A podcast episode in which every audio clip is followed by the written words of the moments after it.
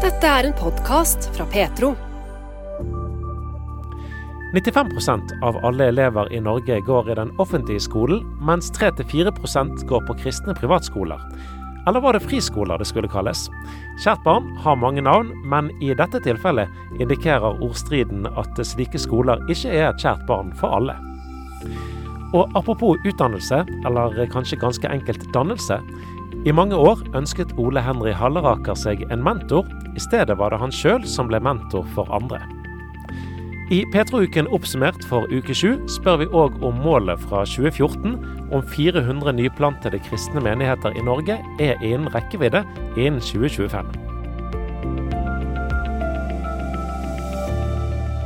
Mot slutten av denne podkasten får du òg høre fra Siri Klungland Moi, som bl.a. reflekterer over hva det betyr når Jesus ber om at de som følger han, skal være ett. Men først skal vi møte Mie Erlandsen. Hun jobber i Sjømannskirken som diakon, og har landene Belgia, Luxembourg og Nederland som arbeidsområde. Der jobber hun med å følge opp mennesker som opplever krise, men òg med å være en samtalepartner for skolebarn og unge i arbeidslivet.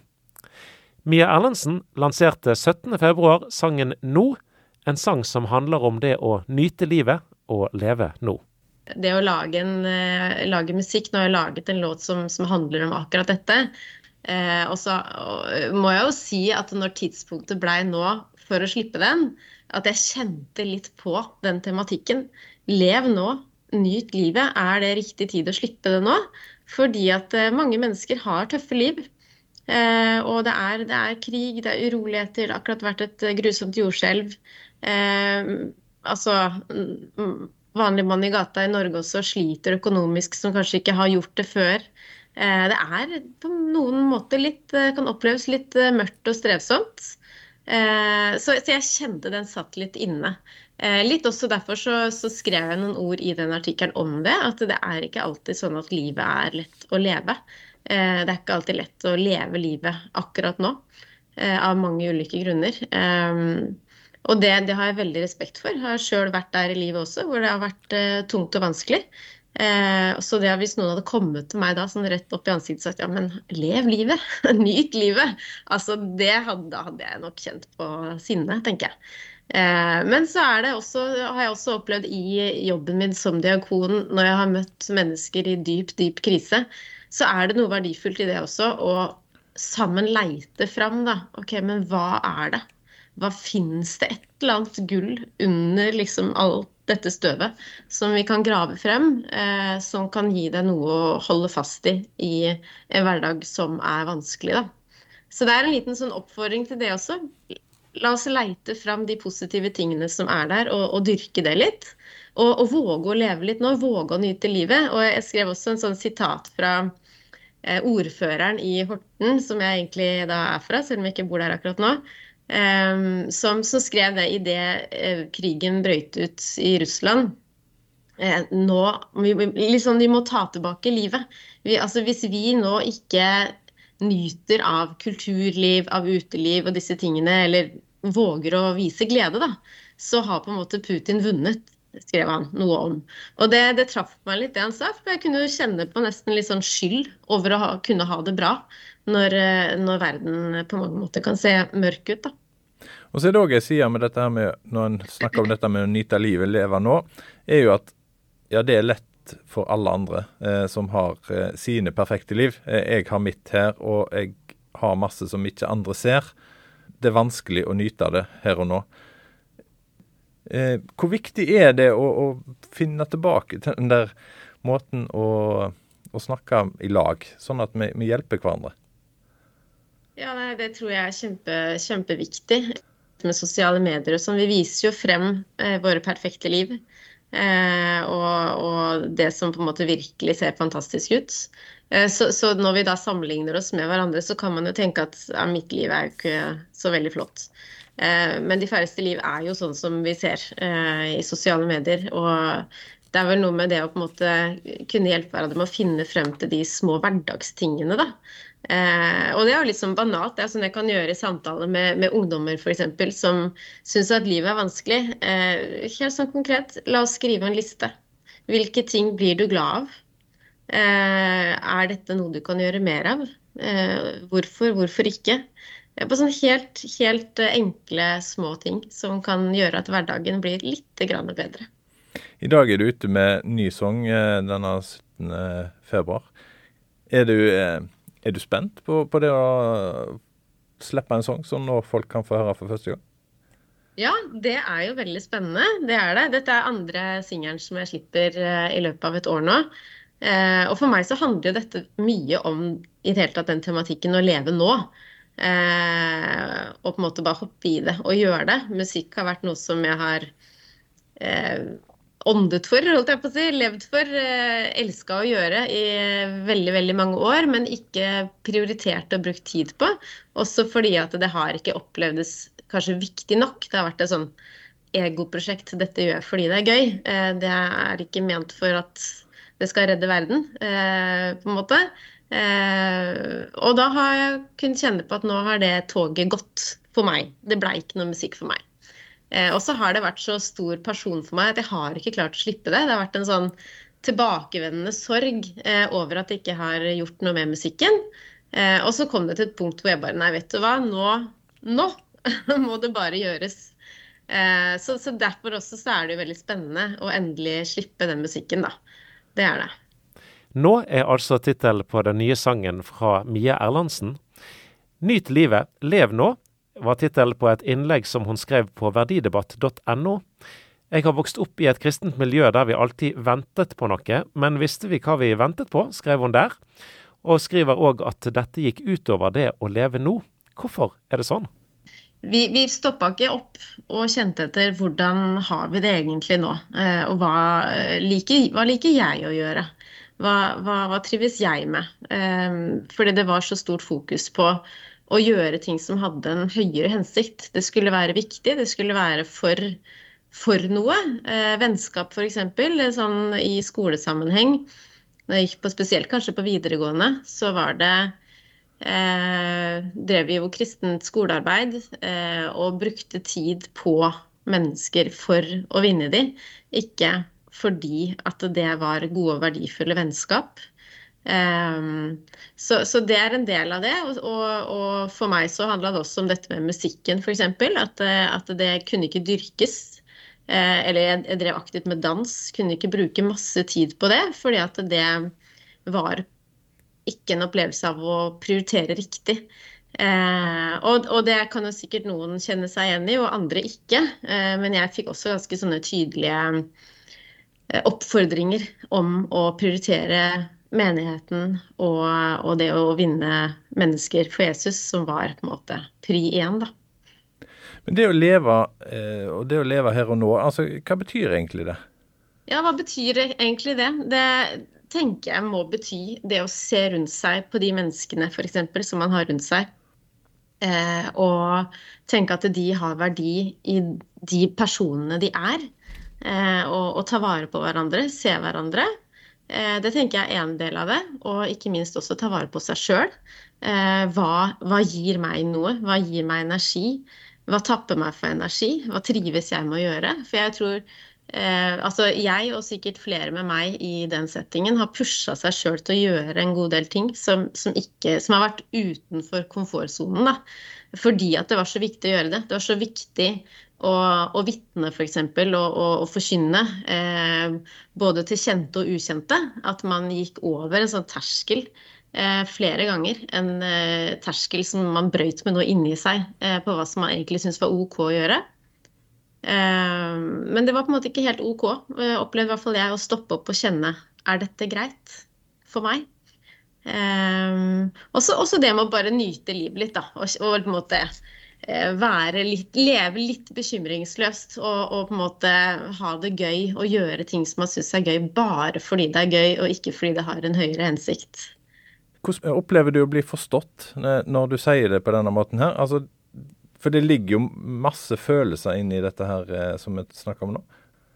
Ja, det er, eh, det er jo både og, da. Jeg får, får, jeg har fått en god del tilbakemeldinger fra folk som har eh, lest to artikler som jeg har hatt i Vårt Land nå, som kjenner seg veldig igjen, og som er takknemlig for at jeg setter ord på det.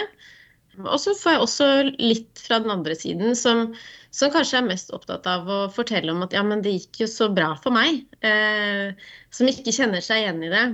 Eh, så, jeg, så, jeg, opplever nok kanskje litt at man ikke er så villig til å anerkjenne OK, eh, vondt å høre at du opplevde det sånn, eh, men jeg opplevde det ikke sånn. Og jeg tenker, Når jeg får sånne tilbakemeldinger, så blir jeg litt sånn Ja, men så bra. Så bra at du ikke hadde det sånn. Det er jo helt nydelig å høre. Eh, men så ligger det ofte også i det at man ikke anerkjenner at jeg opplevde det sånn. Eh, og det kan være mange grunner til at man opplever ting forskjellig. Og jeg tror nok også at jeg passa veldig sånn perfekt inn i en sånn mal, hvor man på en måte gønna på og ga alt. Eh, litt sånn type menneske, sikkert. Eh, og eh, var en sånn type kristen ungdom som fort fikk på en måte litt det stempelet at man var et forbilde og gikk foran og fikk lederoppgaver og sånn. Og så var det jo da andre ledere, pastorer, som, som, så noe der, og som, som oppfordra og oppmuntra det veldig. Så det var kanskje ikke alle som fikk de forventningene til seg heller, da, som, som jeg fikk. Fordi at jeg passa såpass bra inn i det, eh, på en måte. Så det er klart at eh, opplevelsen av det er jo forskjellig. Men opplever du at de, du ikke ble sett som den du egentlig var, da? Jeg var en uh, ivrig sjel, eh, absolutt. Eh, men jeg skulle ønske at eh, jeg hadde voksne rundt meg som kunne stoppe meg litt. mange unge mennesker kan være veldig ivrige, og om det, om det på en måte er politikk eller altså andre ting, eh, så, så, så, trenger man sunne voksne rundt seg som sier at nå, nå bruker du mye tid på dette. Hva med skolegangen din? Hva med venner? Hva med dine hobbyer? Hva, med, hva er det du vil? Hva er det du liker å gjøre? Eh, bruk tid på det. Det skulle jeg ønske at jeg hadde folk rundt meg som sa. Og sangen 'Nå' fra Mia Erlandsen den finner du altså fra og med 17.2 på ulike strømmetjenester. Takk for at du lytter til denne podkasten fra Petro. Liker du det du hører, setter vi pris på om du tipser andre om radiosendinger og podkaster fra Petro. Du finner oss på DAB, og både radiosendinger og podkaster er tilgjengelige i Petro-appen, som enkelt lastes ned fra Google Play eller AppStore. Som nevnt i innledningen går altså 95% av alle elever i Norge i den offentlige skolen, mens 3-4 går på skoler eid og drevet av ulike kristne organisasjoner. Jorunn Heggelund er generalsekretær i Kristne Friskolers Forbund, som er en interesseorganisasjon for mange kristne grunnskoler, videregående skoler, bibelskoler og høyskoler. Jorunn Heggelund sier følgende om hva som kjennetegner skolene hun representerer. En kristen friskole er jo eh, forankra i menneskerettighetene ved at foreldre har rett til å eh, få et alternativ til den offentlige skolen. Så det er på en måte Begrunnelsen for våre skoler er foreldreretten. Altså at foreldre skal få velge et alternativ til den offentlige. Eh, og så er det jo på en måte sånn eh, For å bli godkjent som en friskole, så må det være et spesifikt formål. Og da er, er livssyn et av de formålene som man kan bli godkjent etter. Eh, så det er på en måte det som skiller oss sånn i hovedsak fra den offentlige. Og så er det noe med tilskudd og sånne type ting som er, er annerledes. Men Hva er grunnen til at en trenger et alternativ til den eh, offentlige skolen i Norge? Ja, For det første så er jo vi mennesker forskjellige og trenger ulike ting. Eh, og har behov for ulike ting. Og da tenker jeg at det er positivt at man har mulighet til å kunne velge den skolegangen som man ser best for for seg selv og for sine barn. Livssynsskoler er det dere representerer. Betyr det at livssynsundervisningen i den offentlige skolen ikke er god nok? Altså, det er ikke sånn at uh, For noen så kan jo det være grunnen til at man velger å gå på en kristen friskole. At man ønsker å sende barna sine på en, en skole som, uh, som, har en mer inngående uh, kunnskap og forståelse og undervisning om eh, kristendommen. Men, men, det er jo veldig mange ulike grunner til at man velger å sende elevene sine til, eh, til en friskole. Kanskje man trenger å skifte et miljø. Kanskje er det så enkelt at bestevenn skal begynne på, på denne skolen, og da ønsker sønnen min å begynne på den skolen. Så det kan være ulike grunner til det. Ja, For det er under 5% av eh, elever som går på, på friskoler i Norge. Eh, allikevel så, så, er det sånn som du sier, viktig å ha det alternativet. Men, men det er jo 95 som ikke går der.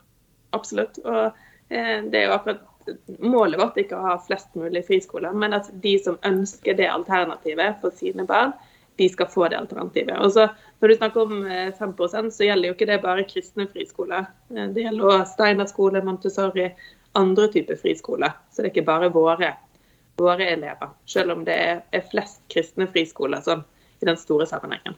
Men Blir dere for å si det sånn, så små at det, er vanskelig å bli hørt i, i den offentlige debatten om eh, private og offentlige skoler? Jeg vil jo si at i det siste så har friskoler virkelig kommet på agendaen med, med den nye kunnskapsministeren, eh, som har eh, snakka mye om eh, friskoler. Hun kaller oss for privatskoler, det er vi uenig i, akkurat den betegnelsen. Men, eh, men jeg, jeg, opplever at vi eh, blir på en måte satt på dagsorden. Men jeg opplever jo òg at det er manglende kunnskap fra kunnskapsministerens side om hva en friskole faktisk er. Hva er forskjellen på, på ordene, altså privatskole oppimot friskole? Du bruker ordet friskole, eh, men, men kunnskapsministeren bruker ordet privatskole. Hva er, hva er forskjellen? Altså Forskjellen er jo ikke noe sånn innholdsmessig, så er ikke det noe forskjell. Men eh, når man vi kalles jo for friskoler. og Grunnen til det er at vi er skoler som er drevet på ideelt grunnlag, og ikke private skoler med kommersielle interesser. Eh, og I denne store velferdsmiksen og, og debatten som vi har nå om privat og kommersielle og offentlig sektor, så blir vi på en måte dratt med i et sånt dragsug som vi ikke kjenner oss igjen i. og Det er derfor vi vil kalles for friskoler. fordi eh, Når vi tenker på privat, så tenker vi jo både på Eh, store konsern og utbytte og det kommersielle biten av det. Eh, men realiteten er at vi som fri, eh, friskoler har ikke lov til å ta ut utbytte, og det ønsker vi heller ikke. Så vi passer på en måte ikke inn og blir betegna som en privatskole. Og så har vi allerede i dag ganske få skoler som er private skoler, som ikke får noe offentlig tilskudd, som ikke har de samme kravene som vi har. Så vi er på en måte veldig gjennomregulert både til kvalitet og innhold, eh, til hva tilskuddet som vi får av staten kan brukes til. Eh, og det er på en måte bra, fordi vi ønsker å være gode skoler for våre elever. Du nevnte at regjeringen eh, har løfta friskole- og privatskole-tema på, på dagsorden. Er dette her et politisk tema i Norge i dag? Absolutt. Det som er en liten sånn kuriositet, er jo at man kan vite hvilken regjering man har. Om man har en venstrevridd regjering, eller om man har en ikke-sosialistisk eller borgerlig regjering, bare ved å se på navnet på, på loven. For Under Solberg-regjeringen så heter vi friskoleloven, mens nå under den eh, Arbeiderpartiet- og Senterparti-regjeringen så heter vi privatskoleloven. Så ja, det er for så vidt et litt politisk betent tema. Eh, men jeg opplever at det er blitt skrudd til noen hakk nå. Da de rød-grønne eh, regjerte sist, så inngikk de et eh, forlik med KrF eh, på Stortinget som måtte kalles for friskoleforliket. Og akkurat sånn som det er nå, sånn reelt og lovmessig, så er vi på en måte tilbake dit. Men kunnskapsministeren har varsla store innstramminger på vårt felt. Så det er et politisk betent tema, både innholdsmessig, men òg retorisk. Hva er grunnen til at eh, dette er et eh, betent politisk tema? Nei, altså Dagens regjering har jo et samfunnssyn og et sånn grunnleggende samfunnssyn om at det offentlige skal stå for det meste av det som vi tilbyr til oss som borgere. Eh, så det kan jo handle, det kan være en grunn, at man har et annet samfunnssyn. Der man ønsker å regulere ting fra toppen og ned, istedenfor at man ønsker å bygge samfunnet nedenfra. som som er jo det vi er tufta på ved å være begrunna i menneskerettighetene og foreldreretten. At det er foreldre som skal få lov til å få bestemme. Jorunn Heggeland er altså generalsekretær i Kristne Friskolers Forbund, en interesseorganisasjon som representerer eh, ca. 150 ulike kristne skoler, fra grunnskoler til høyskoler. Intervjuer var Bjørn Steinar Haugland.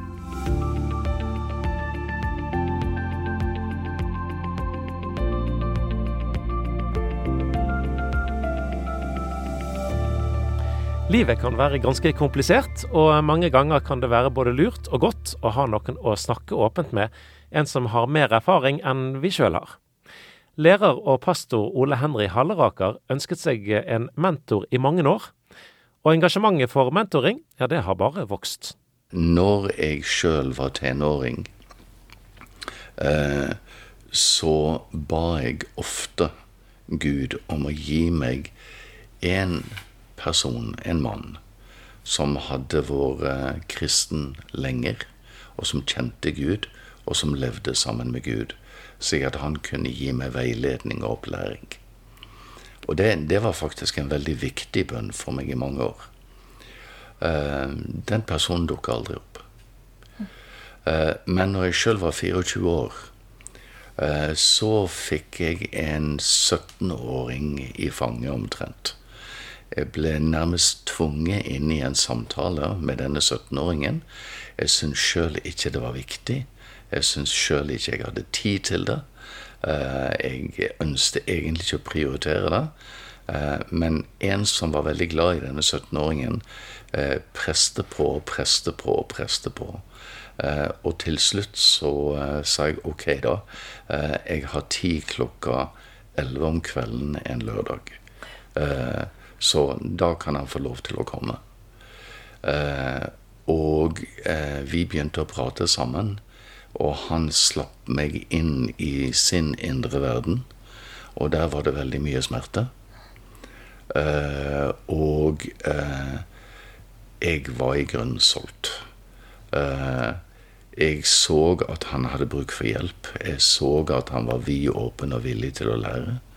Og da begynte jeg å undervise. og jeg opplevde at Gud sa til meg nå har du bedt meg om en en veileder i årevis. Nå kan du være veileder. Mm. Og etter det så har jeg til enhver tid hatt en gruppe med menn som jeg har veileder. Og det seneste tidspunktet jeg hadde med det, var i går.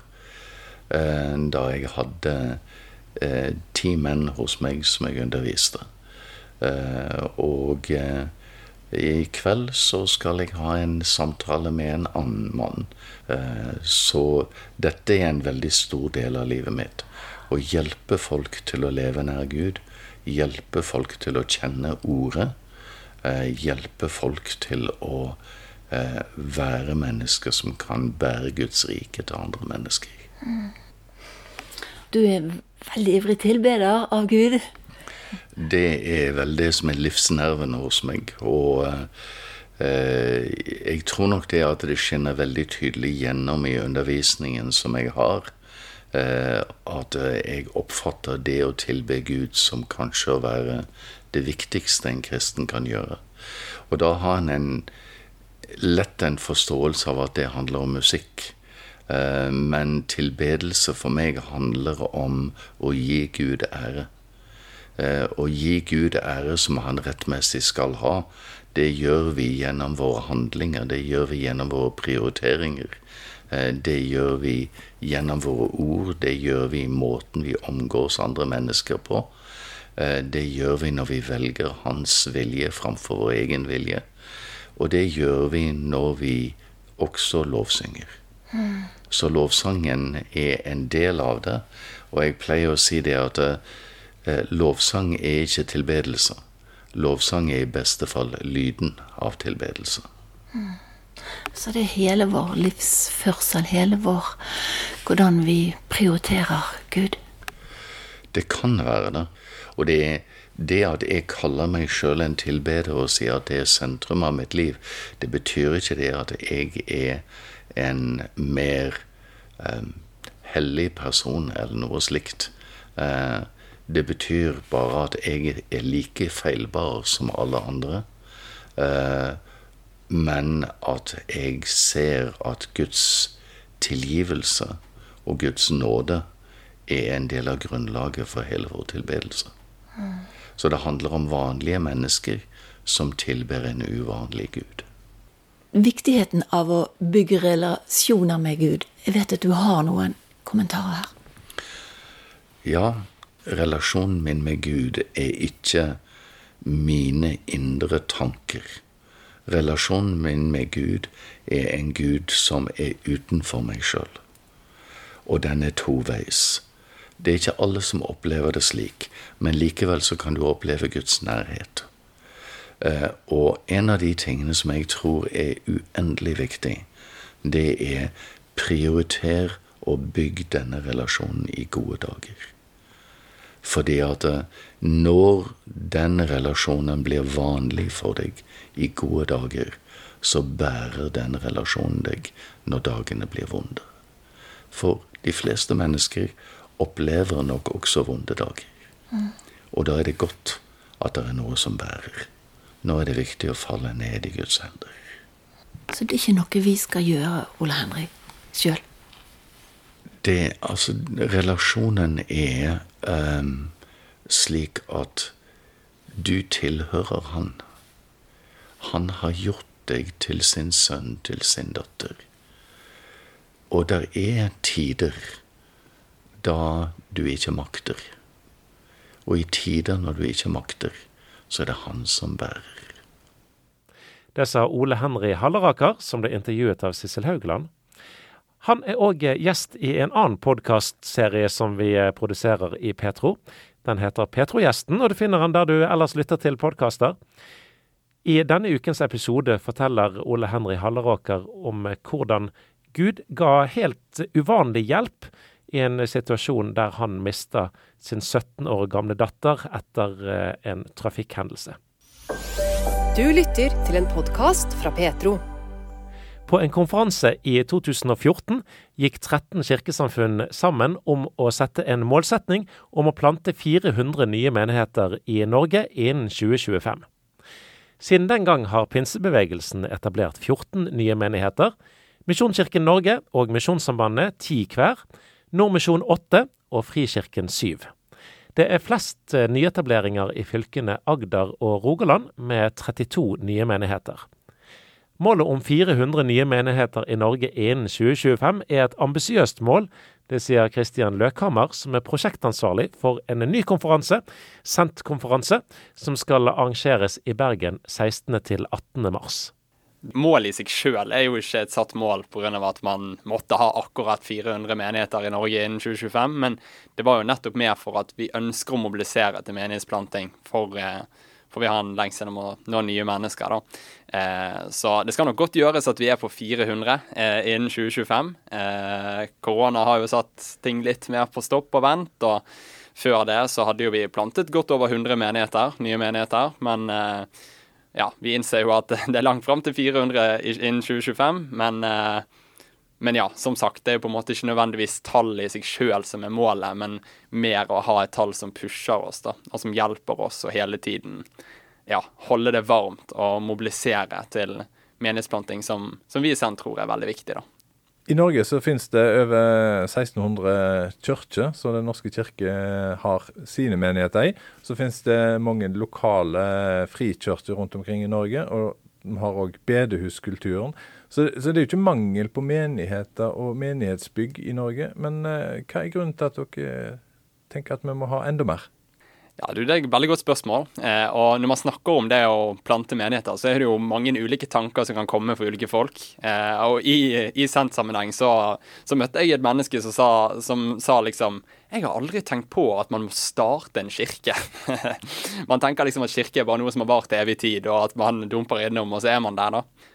Men Sendt eh, jobber jo òg med undersøkelser. Vi, vi, produserer på en måte tallmateriale da, basert på basert på de plantingene som skjer rundt om i landet vårt. Eh, og Det handler jo om at vi ønsker å lære og se hva, hva fungerer, hva fungerer ikke, hvordan kan vi utvikle oss og bli enda flinkere på det som er målet med å nå nye mennesker. Eh, og det vi da ser helt tydelig, det er at nye menigheter når nye mennesker. Eh, Ut ifra Sentundersøkelsen fra 2021 så viser det seg at eh, fra de menighetene som var plantet mellom 2005 og 2020, så var det eh, 11% av de som gikk i de på en måte nyplantede menighetene, som ikke hadde en kristen bakgrunn før de tok del i den forsamlingen. Og 11 det er et ganske høyt tall. Hvis du ser på etablerte forsamlinger, så tror jeg ikke man kan vise til den samme statistikken med 11 nye kristne. Eh, og ikke nok med det, men så har man òg 36 som gjerne har en kristen bakgrunn, har en kristen tro, men som ikke hadde vært aktivt i et menighetsliv eller et kirkeliv det siste året, da, før de koblet seg på denne nye kirken. Så det man helt tydelig ser, det er at ja, det vil jo være en forflytning, at det kommer noen fra andre kirker som på en måte ikke er reell vekst, og man kan bli litt sånn ja, hva er vitsen med å plante menigheter, er ikke det bare å spre folk rundt på flere bedehus, og at det blir tyngre å bære? Men så er det nettopp disse tallene som også viser oss at nye kirker når faktisk nye mennesker. og og gjør òg at folk som kanskje har datt litt ut av menighetslivet, kan få lov til å koble seg på og få meningsfulle oppgaver og komme en del av et kristent fellesskap igjen, da, som vi tror er veldig viktig. Så målet er jo ikke bare å plante nye kirker og ha masse bygg og masse sånn og slite folk ut, men målet og hjertet er jo nettopp det å nå nye mennesker, og at folk som gjerne passifiseres og som datt litt ut av menighetslivet, kan koble seg på og ta aktivt del i det kristne fellesskapet igjen. da. Så det, det er det som er hjertet. Hva er grunnen til at det er lettere å eh, komme inn i en nyetablert menighet enn en eh, mer etablert menighet? Det er nok eh, mange ulike grunner til det, men eh, nei. Noe kan kanskje ligge i at en menighet over tid kan bli etablert. Eh, og når man blir etablert, så er det kanskje litt de samme familienavnene som går igjen, og det blir veldig kjekt og veldig fint for de som er der. men det, det, kan enkelt bli en lukket gruppe, da, der det er vanskelig å komme inn som ny pga. at når du kommer inn der, så kjenner alle alle. Alle har uh, veldig nær vennskap og relasjoner. Og ja, det kan oppleves krevende for noen fra utsiden å komme inn i det som kan være en veldig, veldig fin gjeng, men en veldig på en måte tett gjeng òg, da. Uh, og så tror jeg òg det kan ligge noe i dette med at på en måte uh, når man starter noe nytt, når man starter en ny kirke, så er man hele tiden på jakt etter hvem er det neste vi skal nå? Hvem er det vi skal inkludere? Hvordan kan vi nå ut til naboene våre, til lokalsamfunnet vårt? Hvordan kan vi bli til velsignelse for de rundt oss? Eh, mens kanskje i noen menigheter så, så, kan man på en måte ha det så fint med seg sjøl at noe av, hvert fall, av den, den ånden kan, kan, dette litt vekk, da, som gjør at eh, at det er godt med noe nytt som kommer og på en måte drar i den retningen. At oh, vi må nå nye, vi må legge til rette for at flere får lov til å ta del i fellesskapet. og Vi, vi må ikke bli oss sjøl nok, men vi må, vi må lete etter den neste. Men opplever dere at eh, Menighets-Norge i Norge i dag, altså etablerte menigheter, eh, snakker om misjon, og, og, snakker om at den skal være aktuell for, for de som ikke går der òg, men, men, at en evner ikke eh, å, å, komme i kontakt med, med nye mennesker som med tro. Ja, altså, jeg, jeg, opplever jo det at eh, når du ser på menighetslivet i Norge i dag, så er det mange som, og jeg tror forhåpentligvis samtlige, har jo et stort hjerte for misjon. Eh, og et hjerte for å nå nye mennesker, og ønske å se eh, både naboer, kollegaer, venner og familie komme til tro. Eh, og så lever vi i en kultur der det er krevende. Det er det kan oppleves eh, lenge mellom hver gang man hører historier om eh, voksne mennesker som kommer til tro. Eh, og ja, man kan oppleve at det er en stor distanse mellom det man på en måte ser i samfunnet, hva som løftes opp som godt og vakkert, og hva Kirken prøver å løfte opp som godt og vakkert. Så jeg tror absolutt at det kan være en utfordring nettopp knyttet til det. At, at man har et stort hjerte, en stor nød og en stor lengsel. Eh, men så er det krevende, fordi man opplever at det kan være en distanse, det kan være vanskelig, eh, og kanskje litt med hvordan samfunnet vi lever i, og på en måte hvordan vi tror at de tenker om oss, eller tenker om kristen tro, eh, kan jo òg gjøre at vi blir ja, syns det er krevende å dele troen, eller være åpen om troen vår, som gjør at det blir vanskelig å få de gode, nære samtalene som kanskje kan bli livgivende og bli starten på en trosreise for noen andre. Det finnes mange menigheter i Norge, men eh, statistikken viser at det blir færre og færre som går fast i kirken, i menigheten eller på bedehuset.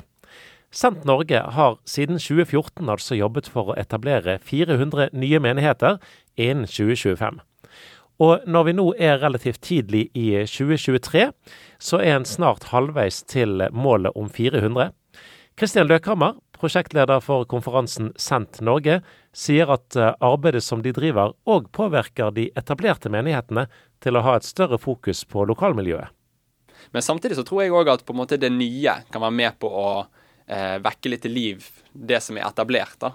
For det er jo noe med at liksom hvis man plutselig ser at en ny gjeng starter, og de, de, klarer å nå ut til lokalsamfunnet sitt. Og oi, det var en kreativ idé, det har ikke vi tenkt på. Kanskje vi skal prøve noe av det samme hos oss. Kanskje, kanskje liksom man kan lære noe da, av, eh, av noen som tør å gutse, som tør å prøve nye ting og tør å tenke annerledes. For det, jeg tror vi mennesker er veldig vanedyr, og da er det veldig enkelt å sette seg noen vaner, og så lever man i de vanene for alltid, og så bare forblir man der, da. Eh, mens det er jo nettopp det, når man har den pionerånden og starter noe nytt, så er det jo kanskje muligheten til å lage noen nye vaner som utfordrer kanskje naboene til å innse at oi, kanskje vi òg må tenke litt over hva vaner vi har, og hva vi gjør for å nå nye mennesker, da, og for å være relevant i, i det lokalsamfunnet vi er en del av. Mm. Sent eh, består av eh, ulike eh, organisasjoner i, i Kristen-Norge. Og mange av de organisasjonene driver misjonsarbeid. Og så er dette her på en måte et misjonsarbeid i Norge? Ja, altså nå Det kan godt hende det er ulike folk som hadde sagt ulike ting, men jeg tenker jo absolutt det. Det er jo det er jo på en måte det som er hjertet. Hjertet er jo ikke å starte sant? Kirke er jo ikke bygg eller på en måte at man bare ønsker at det skal være et bedehus i alle krinker og kroker for at det skal være det. Men det er jo nettopp fordi man ønsker og tror at eh, at man ønsker at mennesker skal få et møte med Jesus, og at man tror at det er godt for mennesker i Norge å få lov til å bli kjent med Jesus og få lov til å ta imot evangeliet, som jo er gode nyheter for alle mennesker. Eh, så det er jo på en måte noe vi tror er sentralt og viktig for å nå mennesker i vårt land. Det er det å ha levende menighetsfellesskap vi inviterer de inn i.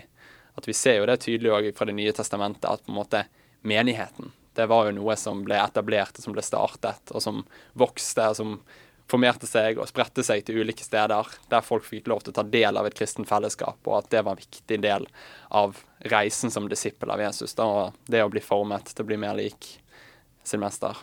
Mm. Nå er det ulike typer menigheter i Norge. Eh, mm. Vi har Den norske kirke, som eh, veldig mange kjenner. Og så har vi òg Frikirke-Norge, som kanskje ikke så eh, mange kjenner til. Hva vil du si definerer en menighet?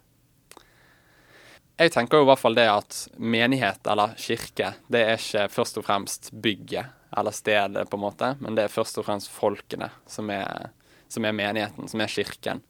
Um, og det er jo nettopp derfor da hvordan kan, kan man da på en måte løsrive seg fra det som på en måte er tradisjoner som bare er tradisjoner. Eh, og så må vi holde fast på det som vi skal holde fast på, som er tradisjoner som er til for å bli. da. Eh, og da tenker jeg at menighet er nettopp det. At det er et fellesskap med Jesus i sentrum. Eh, der man er disipler som ønsker både personlig eh, å vokse i sin egen tro. Sant? At man som en menighetsleder er kalt til å utruste de hellige eh, til tjeneste, men òg å være et fellesskap som, som er misjonalt. At man ønsker å nå ut. Man ønsker å dele det man sjøl har fått se og sjøl har fått lov til å oppleve. Eh, så jeg tenker på en måte at en menighet har da begge deler. Det er et fellesskap for utrustelse, og det er et fellesskap for med Jesus i sentrum, og så er det òg et misjonalt fellesskap der man der man ønsker å dele det man sjøl har fått erfare og ta imot. 16. til 18. mars så inviterer dere til konferanse i Bergen. og Det er altså åtte år siden sist eh, det var konferanse. og I løpet av disse her åra årene her så har vi jo òg hatt eh, korona, som virkelig setter Menighets-Norge på prøve. Mm.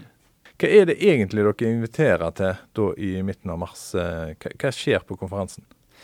Du, eh, Sentkonferansen tror jeg kommer til å bli en veldig veldig bra konferanse. Det er jo naturlig. Jeg er jo med liksom og planlegger, så jeg må jo si det. Men, eh, men, eh, men jeg tror virkelig det, da. Eh, det er unikt at det er 13 kirkesamfunn som står sammen om noe som dette. At det ikke bare er en liten gruppe i Norge, men det er en ganske stor bredde. Og ulike måter å gjøre kirke på, ulike uttrykksformer. Men så kommer vi sammen med den, på en måte, det som forener oss, og det er lengselen med å nå nye mennesker med evangeliet. da. Eh, og dette blir gode dager der vi kommer til å få ikke bare liksom Ikke bare få én tale, ikke bare få et seminar, men der vi på en måte får ta del i et fellesskap der vi snakker høyt om hvordan kan vi nå nye mennesker i vårt land? Hvordan kan menighetsplanting eh, fungere? Hvordan kan det se ut? Vi kommer til å få høre masse vitnesbyrd fra folk som har stått i det, folk som står i det. Eh, vi kommer til å få høre ulike historier om hva som har funket, hva som ikke har funket. Eh, vi kommer til å få lov til å bli kjent med masse spennende folk som, eh, som er alt fra menighetsledere til folk som ja, er aktive i det å dele troen sin i hverdagen. da. Så det er på en måte et samlingspunkt. Et bredt samlingspunkt der vi får lov til å sammen tenke hvordan kan vi som kristenfolk og som ulike organisasjoner og mennesker, hvordan kan vi nå ut til, til vårt land da, i tiden som ligger foran og i tiden som kommer.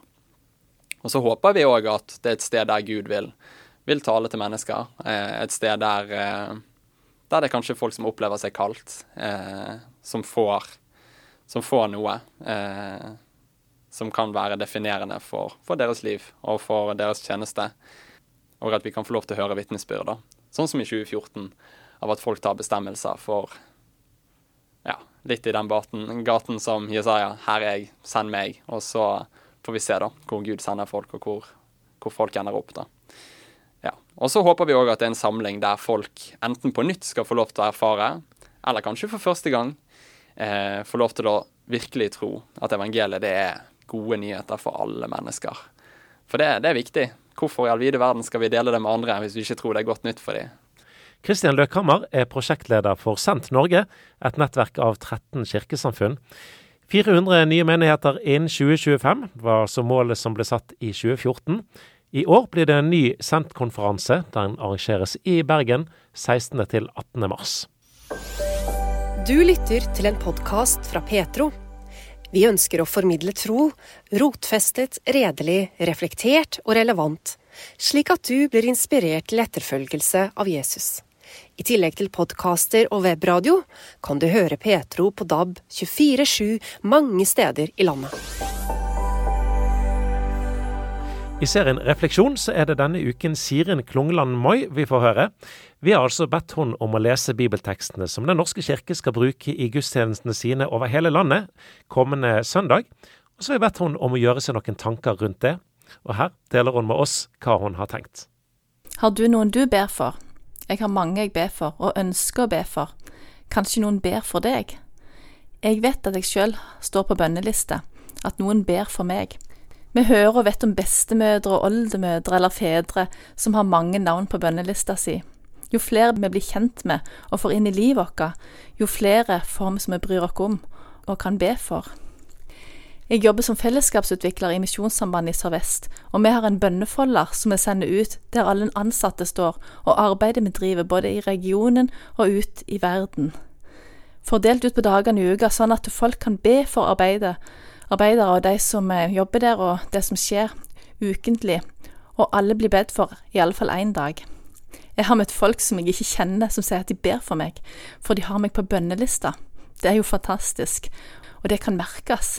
En uforklarlig fred, eller ting som skjer og ordner seg, en spesiell følelse av at Gud er med. Jeg er òg med i Mødre i bønn, mødre som møtes ukentlig for å be for ungene våre, skolen og barnehagene der de går. Mange mødre, bestemødre eller tante er med i sånne grupper rundt i hele verden. Ungene våre trenger å bli omslutta i bønn i sin hverdag.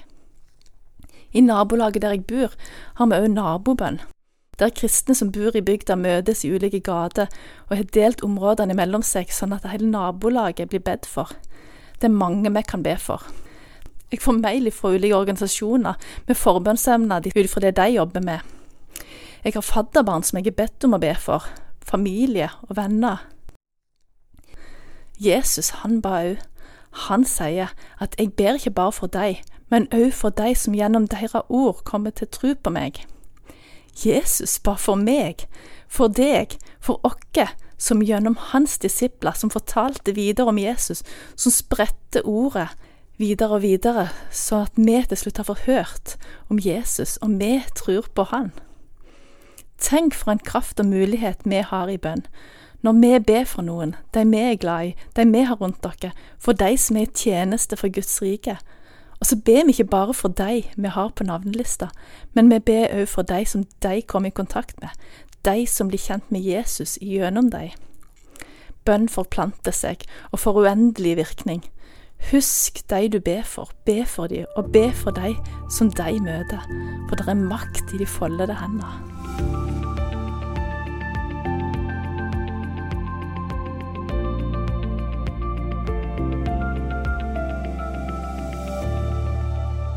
I dag har jeg reflektert over det å være ett. Når to gifter seg, så sier vi jo at de blir ett.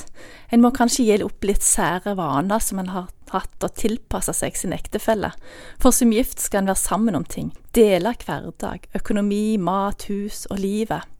Et ektepar bryr seg om hverandre og hverandres beste, i kjærlighet. Den setter forhåpentligvis den andre høyere enn seg sjøl, og dermed blir enheten å løfte hverandre opp. Kjærligheten til hverandre blir det viktigste, den binder sammen. Når en er nygift, er en kanskje så oppslukt i hverandre at en ikke ønsker annet enn å være ett.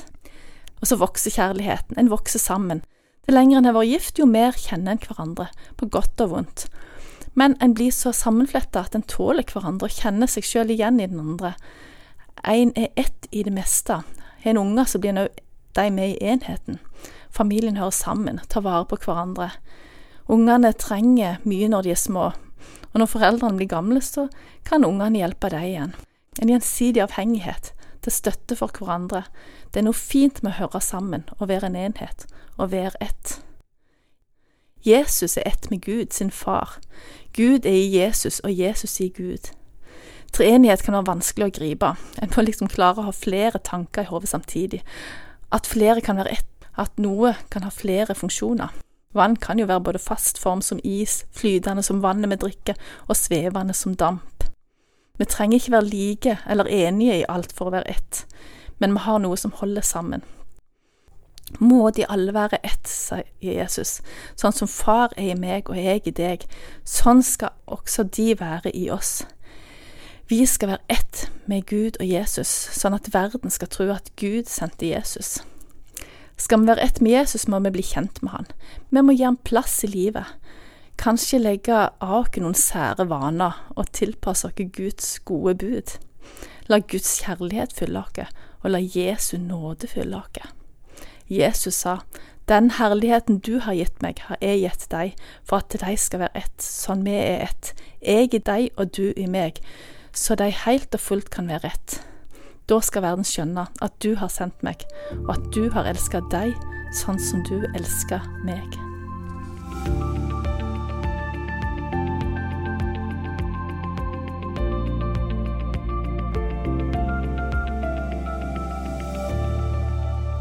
Er du sendt, eller har du vært sendt noen gang? Sendt ut for å sørge for at noe bringes til en mottaker. Kanskje du har sendt et brev eller en pakke, eller er sendt ut med et ærend noe du skulle kjøpe eller gi til noen. En gang da jeg var liten, så sendte mor meg til en gammel tante og onkel i nabohuset med noen krumkaker. Mamma sa at jeg ikke skulle ta trihjulssykkelen, men så gjorde jeg det likevel, og det gikk som det måtte gå. Denne ene dagen så havna jeg faktisk i grøfta. Heldigvis for meg så likte de gamle i nabohuset veldig godt knuste krumkaker. Når vi blir sendt med noe, er kanskje ideen å få det helt fram, om det er et viktig brev, må en kanskje sendes rekommandert for å forsikre seg at det kommer der det skal. Noen ganger er det best å levere det sjøl, pakken kan bli ødelagt i posten, om noen andre leverer det, kan det bli gitt til feil person, mye galt kan skje på veien. Den som sender, ønsker at det den sender skal komme fram, til den eller de som skal være mottakere. Mamma hadde laga veldig gode krumkaker, og hun sendte nok de aller beste som jeg skulle gi til naboene. Gud sendte Jesus. Han sendte sin egen sønn til jorda, til menneskene som han elsker. Han ville gi det aller beste han hadde. Og gaven kom fram, det feirer vi jo hver jul, at Jesus kom til jorda, Guds gave. Fordi Gud elsker verden så høyt, så ga han sin eneste sønn for at hver den som tror på han, ikke skal gå fortapt, men ha evig liv. Jesus ble sendt til en verden som ikke forsto hvem han var. Han ble knust og korsfesta, men han kom for å redde menneskene. Han var sendt for å ta på seg all synd og skyld, og da han ble knust og døde, fullførte han det han var sendt for. Han vant over døden og alt det onde. Disiplene ble kjent med han og forsto hvem han var. De så at han var Guds sønn. Han var sendt ifra den levende Gud. Disiplene ble så sendt ut for å spre budskapet videre, fortelle videre om Jesus, han de hadde fått bli kjent med, og som hadde gjort alt for dem. De tok oppdraget og gikk videre med nyhetene. Vi har mottatt denne gaven, fordi Jesus var sendt av Gud. Disiplene ble sendt videre, og de som kom til tro, fortalte det videre. Nå sender vi ut misjonærer til folkegrupper som ikke har hørt, og vi er sendt ut i vårt nabolag, i vårt samfunn, for å fortelle at Gud sendte Jesus for deg, for alle. Gud er i oss som tror og har tatt imot Jesus, og verden kan tro at Gud har sendt Jesus òg for deg.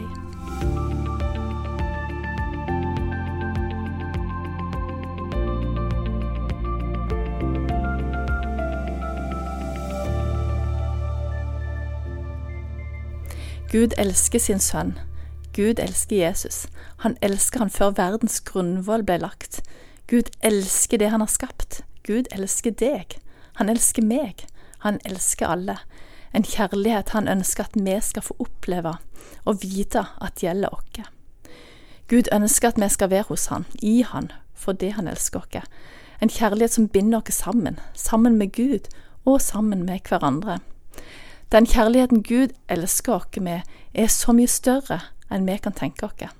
Kalles agape, en overveldende kjærlighet, ubetinga, endeløs, uselvisk. På søndagsskolen sang vi Guds kjærlighet er rundt om meg, den er overalt jeg vet, hvor jeg snur eller vender meg, jeg er midt i Guds kjærlighet. Den kjærligheten Gud elsker Jesus med, kan òg være i oss. Jesus viste det med sitt liv, det han fortalte om Gud, måten han levde livet sitt på. Han viste at kjærligheten er, den, er sterkere enn døden. Gud i Jesus og Jesus i oss og vi i verden. Vi skal alle være ett, i kjærlighet. Og vi gjør aldri så mye godt og fint og flott. Taler med mennesker så er det et englers tunge. Har all kunnskap og vet alt. Ja, til og med om jeg har tru som kan flytte fjell, men ikke kjærlighet så er vi ingenting. Kjærligheten søker ikke sitt eget, den krenker ikke, er ikke oppfarende, gjemmer ikke på det onde. Kjærligheten er tålmodig, velvillig, misunner ikke, skryter ikke, er ikke hovmodig. Kjærligheten gleder seg over sannheten, ikke over urett. Kjærligheten utholder alt, tror alt, håper alt, tåler alt. Den kjærligheten vil jeg ha. Den vil jeg ta imot. Den ønsker jeg at de rundt meg skal få. Den unner jeg alle å få oppleve. Den kjærligheten vil jeg gi videre. En kjærlighet som ikke slukkes av vann eller blir skylt bort. En kjærlighet som ikke kan kjøpes. Lillebroren min hadde fanget opp et uttrykk en gang da han var liten.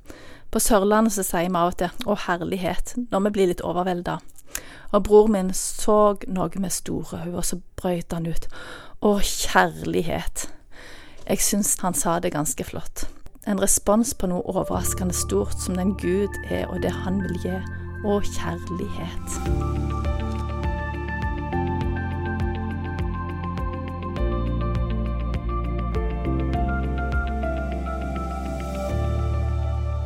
Hvem eier deg? Har du et seil på ditt hjerte?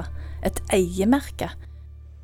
Før laga de gjerne et merke i voks med et avtrykk, en slags personlig underskrift, ofte på viktige dokumenter.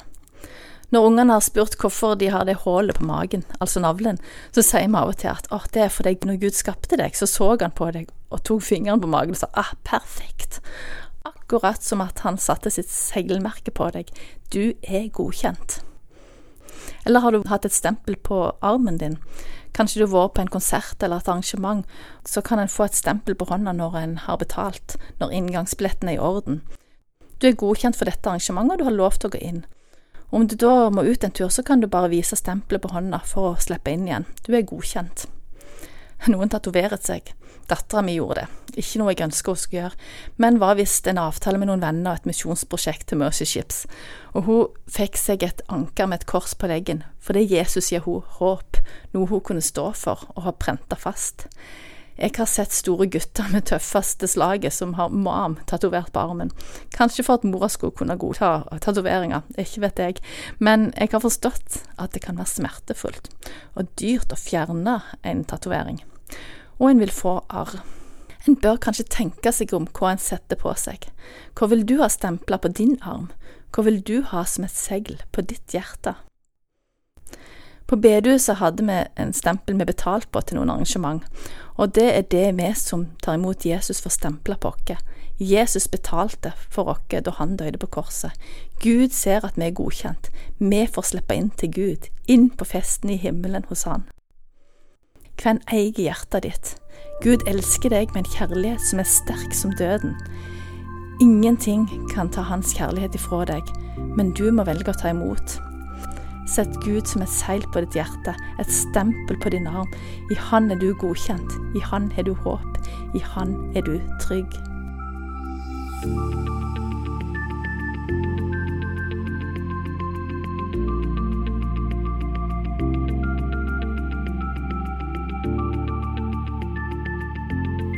Og de ordene fra Sirin Klungland Moi ble altså noe av det siste som fikk plass i podkasten Petro-uken oppsummert for uke sju. Jeg heter Bjørn Inge Sagstad. Vi høres.